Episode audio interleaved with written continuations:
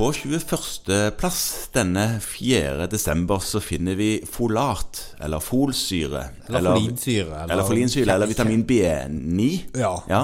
Kjært barn har uh, iallfall fire navn. Ja, minst fire navn. Dette er altså en eh, prøve som man kan ta, og folsyre er noe alle gravide vet om, fordi Ja. at de får beskjed om å ta den hvis de planlegger graviditet. Ja. Og hvis de ble gravide uten at det var særlig planlagt, får de iallfall beskjed om å få starte med det så fort som mulig. Ja.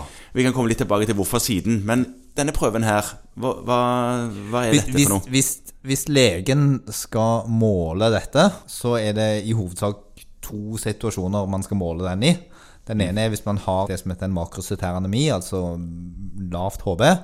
Makrocytær anemi. Ja, Det var veldig fint ord. ja lavt HB og store røde blodceller. Ok.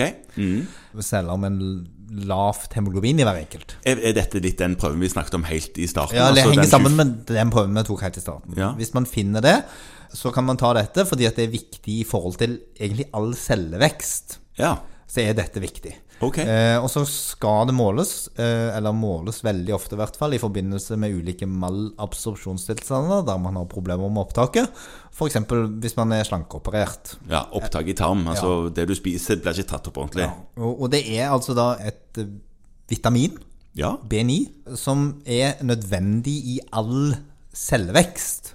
ja. Så når du skal lage deg nye celler i kroppen din, så trenger du dette. Så vitamin altså, det er et stoff du ikke kan lage sjøl. Du må ha det tilført utenfra. Må tilføre det utenfra. Mhm. eh, og da er det som Altså, man merker det med blod, for det lager vi nytt hele veien. Ja. Det er jo en sånn konstruksjon der det forsvinner og mm, resirkuleres og lages på nytt igjen, og Ja, ja. tapes. Eh, Men også annen cellevekst. Og der kommer de gravide inn.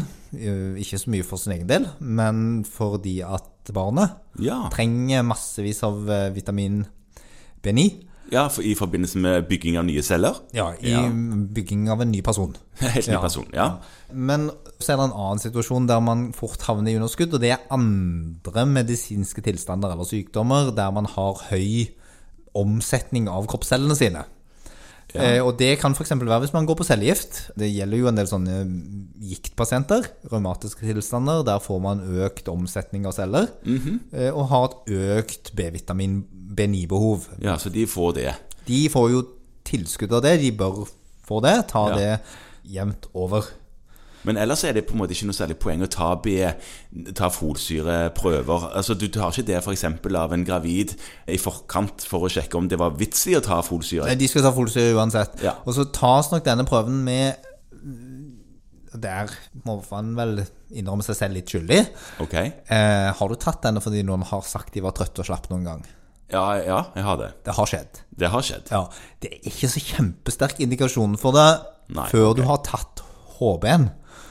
Hemoglobinverdien? Ja. ja. Fordi at det er nok unntaksvis at man på en måte er trøtt og slapp av en isolert folinsyremangel. Mhm. Eh, Da bør det egentlig vise andre Altså Man merker ikke at folinsyren er lav, man merker konsekvensen av at folinsyren er lav. Ja, for da kan HB, hemoglobin, bli lav. Ja. ok.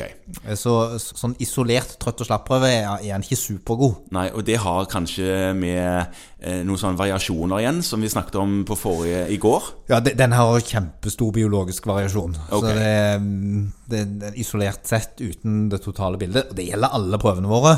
Ja. så skal man være forsiktig med å overtolke et isolert litt høyt eller lavt resultat. Ok.